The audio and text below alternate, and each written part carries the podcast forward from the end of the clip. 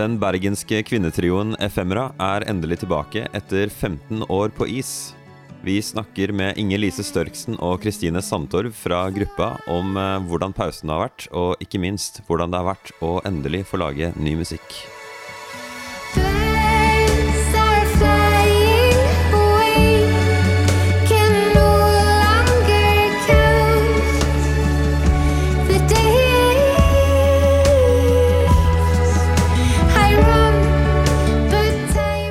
Da får jeg ønske dere velkommen eh, på linja. Tusen takk for det. Yes, Takk for det. Vi har eh, Inger Lise Størksen og Kristine Sandtorv fra Efemera. Det stemmer det. Vi sitter her på hvert, eh, hvert vårt hjemmekontor i Bergen. Og ja, jeg er veldig glad for å få lov å møte deg eh, via linje i dag, da. Jeg bare lurte på sånn med en gang navnet Efemera. Det betyr jo midlertidig. Jeg slo det opp for sikkerhets skyld, men jeg har, kjenner jo til navnet FM, ordet ephemeral på engelsk, som betyr noe som lever kort. Og så tenker jeg jo at dere har jo eksistert siden 94. Så hva, bare, ja, hva ligger i det navnet? Eh, nei, det begynte vel kanskje eh, med en dårlig vits på et russekort. Eh, hvor du sier 'nei takk, ikke i aften', sa døgnfluen. Og det betyr jo både noe som er midlertidig, men også døgnflue. Og så Et navn må jo et band ha, og vi syns det lød litt eh, feminint med fem. Femra. Ja. Så hadde ikke vi tenkt så nøye gjennom at folk både skulle si dette navnet og skrive det, men eh, det ble nå navnet vårt. Ja, ja, det, altså Den døgnflua den uh, sa jo egentlig aldri i livet. ja. uh, jeg er egentlig veldig spent på Jeg var egentlig veldig spent da jeg hørte at dere hadde ny musikk. uh, fordi um, jeg har også snakket med Skambankt, som startet i 94, og har gitt ut musikk i senere tid. Og jeg finner jo at uh, musikken som man gir ut i senere tid, gjerne er litt mer eh, reflektert, og litt dypere og ja, bare litt, litt med det som bakteppe. Jeg lurer på om dere selv kunne fortelle om uh, det nye albumet. Ja, nå er det 15-16 år siden forrige plate. Eh, og så skal jo det sies at vi var ganske ung da vi ga ut den aller første platen helt tilbake i 1996. Da var jeg, som heter Inger-Lise, 17 år. Eh, tenåringer, altså.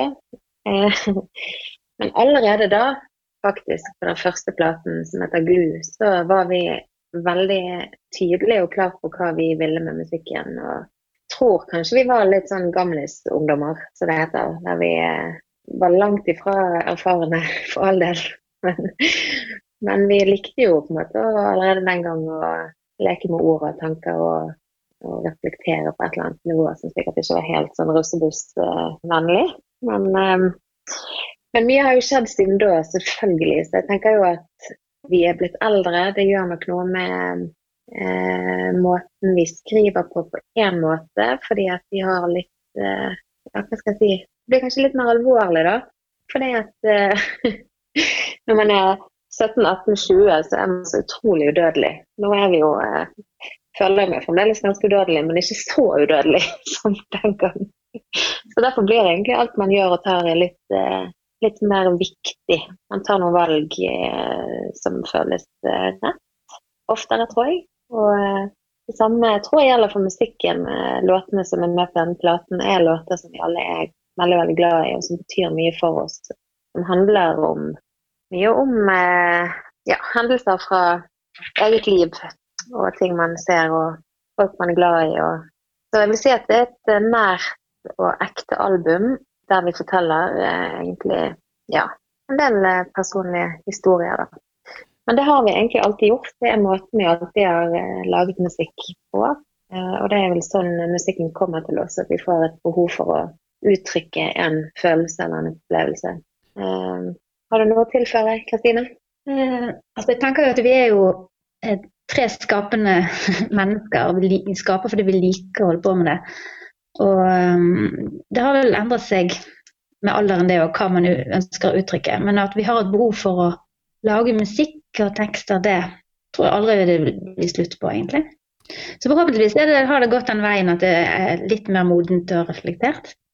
Ja, jeg, jeg likte selv at eh, du, Inger-Lise, at du brukte ordet at dere var mer udødelige. Det syns jeg var en eh, Ja, den har, jeg, den har jeg ikke hørt før. Men jeg kan jo relatere til det. Jeg er jo ikke, jeg er jo ikke så veldig gammel, jeg er eh, 28. Men eh, jeg vet jo selv liksom at eh, jeg, jeg så liksom ikke eh, hele livet foran meg så veldig tydelig da, da jeg var eh, under 20. Nei. Nei, det er ikke så lett det når man ikke har så mye å reflektere på. Nei, Så, nei. så det er jo veldig fint. Det er deilig å være voksen, syns jeg da. Det må jeg si. Jeg skal si at jeg, jeg er helt uenig med de som sier at uh, livet var bedre da man gikk på skolen. Det syns jeg bare er, bare er tull. Er det, er det mange som mener det? Altså? Ja, det er veldig populært, i hvert fall Uh, noen folk jeg kjenner i 20-åra, da. De syns liksom at alt var så bekymringsløst og flott på skolen, men eh, jeg føler at friheten til å ta dine egne valg og faktisk kontrollere mye mer selv hva som skjer hver eneste dag, det er jo verdt så mye mer enn å ikke bekymre seg for annet enn lekser. Jeg sier meg enig i det. Absolutt. Akkurat nå er det kanskje litt eh, deilig å gå på skole. da. Jeg tenker på Ja. har en 14-åring i huset som har hjemmeskole og, og bestemmer, bestemmer eh, rutinene i stor grad sjøl. Så akkurat nå tenker jeg det er ganske fint å gå på skole. Ja, Disse du, det, det syns også samboeren min, som er lærer for folk som går på skole, så hun syns jo dette her er kjempedeilig. ja. Så det, det er noen online-møter om dagen, og så er det å gi ut lekser og ja, og så er, det, er du ferdig, da. Man lærer jo mye om sine egne barn. Da. Jeg har også tre barn her som er på hjemmeskole. og ja, Du merker at noen gjør oppgavene kjappere enn andre. Det kan være ganske plagsomt, egentlig. Hvordan da? Man blir så fort, man blir så fort ferdig med ting. Hva skal jeg gjøre nå? Hva skal jeg gjøre nå? For eksempel. ja. Ja, jeg tr tror barn kjeder seg mer, sånn, sånn Ja. generelt. De savner nok veldig å få være med venner. Ja, nei, jeg, jeg har merka selv at jo Ja, for hvert år som går, så kjenner jeg mindre på at jeg kjeder meg. Det er liksom ikke det som er problemet lenger. Nei. Nå er det nesten blitt et savn å kunne kjede seg, kjenner jeg. Det, men det er nå én ting. Men det, ja, det er fint å være voksen, og det er deilig å kunne velge sjøl. Det, Eh, det kan vi være enige om. jeg syns jo det er interessant å høre på det nye albumet deres, bare med tanke på at eh, eh, det er jo mange som kanskje husker dere best som uh, den uh, jentegruppa med den morsomme sangen om at jenter deler hemmeligheter. Eh, og så hører man på det nye albumet, som for meg er i hvert fall sånn eh, spesielt tekstmessig en veldig stor kontrast, som i at det er mye dypere. Det ligger mye mer der, da. Eh, så sånn rent når, når dere har lagd musikk nå, kunne dere sagt litt om hvordan det har vært annerledes enn det var for sånn 15 år siden? Jeg tror jo at det som har skjedd, er at livet har gått videre, og at man har opplevd eh, mer, som gjenspeiles i tekstene. Men når vi skriver, så skriver vi sånn som vi egentlig har gjort før, at vi skriver hver for oss. Og vi er tre ulike låtskrivere. Og så møtes vi og arrangerer det sammen. Og da har man jo i bakhodet hva de andre er gode på og kan levere, og krydre låtene med. Men um, tekstmessig, sånn, temamessig, så føler jeg alltid vi egentlig har skrevet om det som opptar oss, som det gjelder oss sjøl eller venner rundt. Og det gjør jeg, føler jeg i hvert fall at jeg personlig gjør fremdeles. Jeg, jeg føler at uh, Hva skal man si? Det er nesten som at uh, de låtskriverne jeg hører da bak eh, albumet her, høres ut som de er eldre og mer At de har bedre forståelse for hvordan det engelske språket funker, og idiomer og all, alt det der. Det er liksom mer eh, kanskje berikende å høre på det. Det er jo en veldig fin tilbakemelding. Hva sa du? Nei, det er jo en veldig fin tilbakemelding, sier jeg. Det, vi håper jo det at eh, Vi får jo veldig ofte, og har tidligere ofte fått eh, mye respons på at det er mange som kan kjenne seg igjen i, i tekster. Og vi har eh, fått mailer og fanbrev fra eh, hele verden til tider der vi har ja, fått mailer om at musikken vår har betydd eh, veldig mye i vanskelige situasjoner for eh, mennesker der ute, som er jo en veldig stor ting å få en tilbakemelding på. Jeg husker veldig godt det var en, dette er mange år siden, da var det en, eh, en mor som sendte en mail. De hadde en veldig syk liten gutt på fem år. Eh, og da hadde de funnet trøst i en av låtene våre da, som, som de virkelig følte vi hadde skrevet til de. Og sånne mailer får vi innimellom, og det er utrolig sterkt. Men jeg tror jo òg at den kraften som ligger i, å altså klare å skape noe som folk virkelig kan kjenne på, den nerven, eh, den tror jeg blir skapt når man skriver om ting som virkelig er ekte, da. At man kanskje faktisk klarer å få ut de reelle følelsene og nerven i, eh, gjennom låten. Eh, og det har egentlig alltid vært eh, grådig viktig for oss, det å at det skal Ja, at det betyr noe. Sant? Vi kan jo òg lage popmusikk som er, som er morsom og ikke trenger å være verken alvorlig eller eh, veldig, veldig dypt. Men eh, alltid så har det en eh, mening bak, og dersom du kanskje tror det er naivt og litt flåsete, så kan det være at det egentlig er ganske finurlig og clever eh, konstruksjon bak. Så det er som regel godt gjennomarbeidet tekster, altså. Jeg blir alltid overrasket selv når jeg finner ut at eh, en låt som kanskje traff meg litt da, pga. teksten, eh, bare var skrevet litt sånn Kanskje med en låtskriver som eh, ikke egentlig var personlig berørt av situasjonen, og så blir jeg litt sånn satt ut nesten av at dette ikke var en ekte følelse fra den som skrev, de gangene det faktisk skjer, da. For Mm. um, i, i de fleste tilfeller så er det jo sånn som du sier, da, at uh, ja, låtene er uh, genuine og fra et liv. Ja, det er jo også en kunst å på en måte konstruere en historie når man Og det er jo kanskje noe man har lettere for jo eldre man blir, når man vet hvordan eh, ting henger sammen og, og man har en del erfaringer sant, som man kan eh, lene seg tilbake på og bruke inn i låter. Ja, jeg, jeg ville også spørre om um, Dette er kanskje litt, litt sånn nerdete, men uh, jeg syns at uh, akkordprogresjonene er litt mer uh, krydra enn de har vært før. Spesielt på ja, eksempel Uh, Man Overboard eller um, When the Best Ones Are Gone. Så hører man veldig tydelig sånn at uh, ja, For de som ikke vet hva akkordprogresjoner er, så er det kort sagt at instrumentene spiller liksom De går ikke den veien du tror de skal gå, da. De går kanskje til litt andre toner og Did I ever tell you you were loved by everyone? Did we ever talk about what to do when the best ones are gone? Så jeg lurer på om dere har gått litt inn for det, med vilje? Um, når det er jeg som har skrevet 'When the best ones are gone'. Og um, jeg jeg husker at når jeg skrev den, så var det, det var melodien som var i fokus. Og jeg, jeg fant akkordene etter melodien, så jeg vet ikke om det kan ha en sammenheng der. Det var ikke sånn at jeg hadde en ferdig akkordrekk, og så la melodien på, som gjerne av og til skjer. Så jeg vet ikke om det kan forklare noe. Men det var egentlig la melodien leve, og da fant jeg de akkordene jeg syntes ga mest mening etterpå. Jeg vet ikke hva du tenker om, om den uh, Man Overboarding, Alice, som du har skrevet. Ja, altså Man kan jo velge å, å lage en låt som er veldig eh, forutsigbar og trygg og god i rekken, selvfølgelig. Og det er veldig ofte fint hvis det passer seg sånn at det eh, passer med låten. Jeg har nok aldri gått inn for å gjøre en låt eh, mer eh, Hva skal jeg si Altså Når man sitter og jobber med en låt, så ønsker man jo og leter jo etter spennende retninger det kan ta. Eh, sammen med, en litt sånn naturlig, med et naturlig utfall på et vis når man sitter og jobber. For det er jo en del intuitivt, men samtidig så, så kan du jo eh, føre låten i den retningen som du kanskje Ja, som du ønsker at den skal gå, da, og utfordre den litt mer.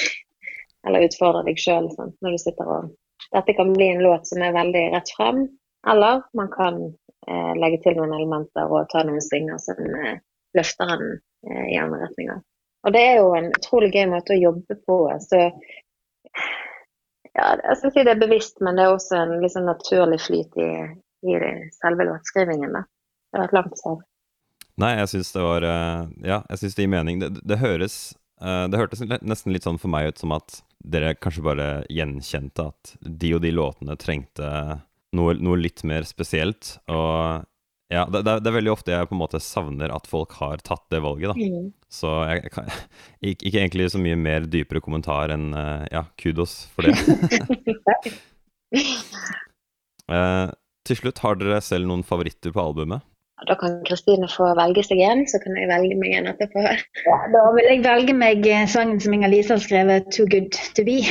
Det synes jeg er en utrolig flott uh, låt med flere dimensjoner.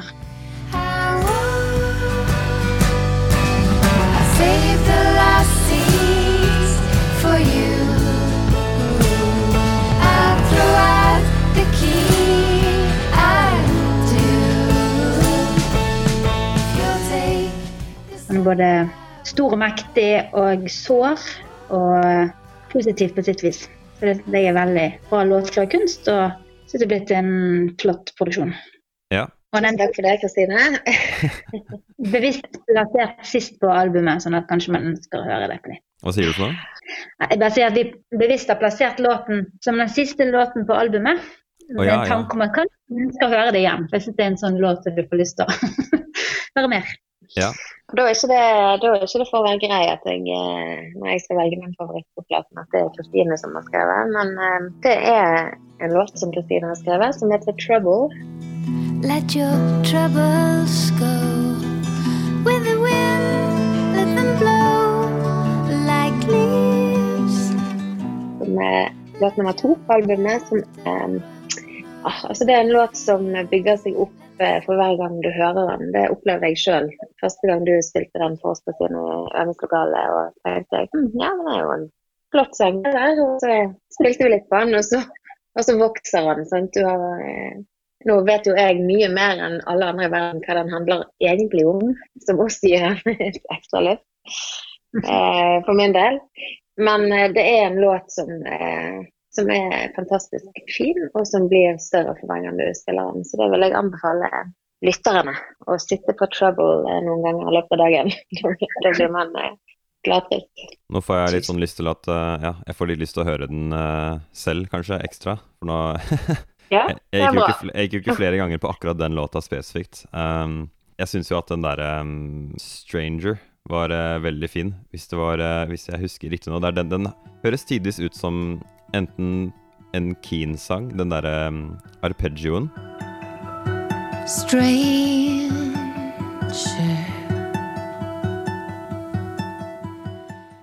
Ja. Eh, eller kanskje liksom noe som kunne vært fra en Disney-film. Og det, det mener jeg som en kompliment. Ja, takk for det. Det er kjekt å høre. Eh, sånn helt til slutt, eh, hvis folk har lyst til å følge med Nå er det jo kanskje ikke noen umiddelbare konserter pga. situasjonen som er nå, men eh, hvor er det folk kan eh, finne dere og følge med? Altså Foreløpig så eh, tenker jeg at vi kommer til å være tilgjengelig på, i de sosiale mediene, både Instagram og Facebook. Og, ja, det blir jo litt sånn digital kommunikasjon for tiden. da. Så har vi en del konserter som er både i Oslo og Bergen og omegn eh, planlagt. Og det må vi nesten bare se hvordan eh, situasjonen utvikler seg, og Ja. om de blir eh, flyttet på. Det kan jo være. Jeg får bare si hjertelig tusen takk for tiden deres, og lykke til. Så håper jeg konserter ikke blir eh, for langt dytta unna eller eh, ja, avlyst. Tusen takk. Tusen for det. takk for oss. Du skal straks få høre hele låta 'When the Best Ones Are Gone', som handler om å miste en man er glad i. Men eh, før det vil jeg bare kjapt minne om at hvis du likte denne podkasten, kan du enkelt finne oss ved å søke på Plenty Kultur, PLNTY Kultur, der det er du finner podcaster.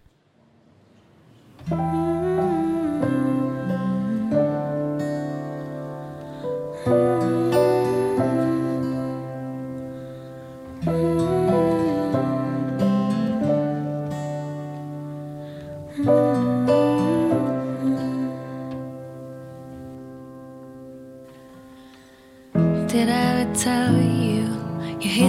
like the sun? Did we ever talk about how to hang on? Did I ever tell you you caught me like a wind? Did we ever talk about how to begin?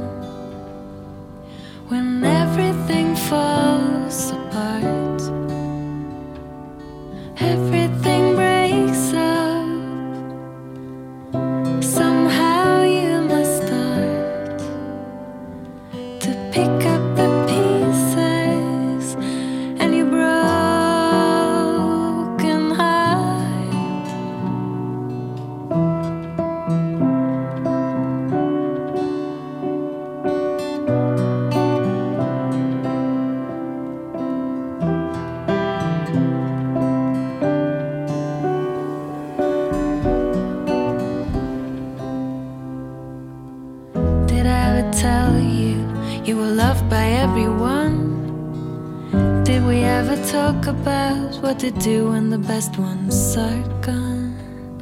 When everything falls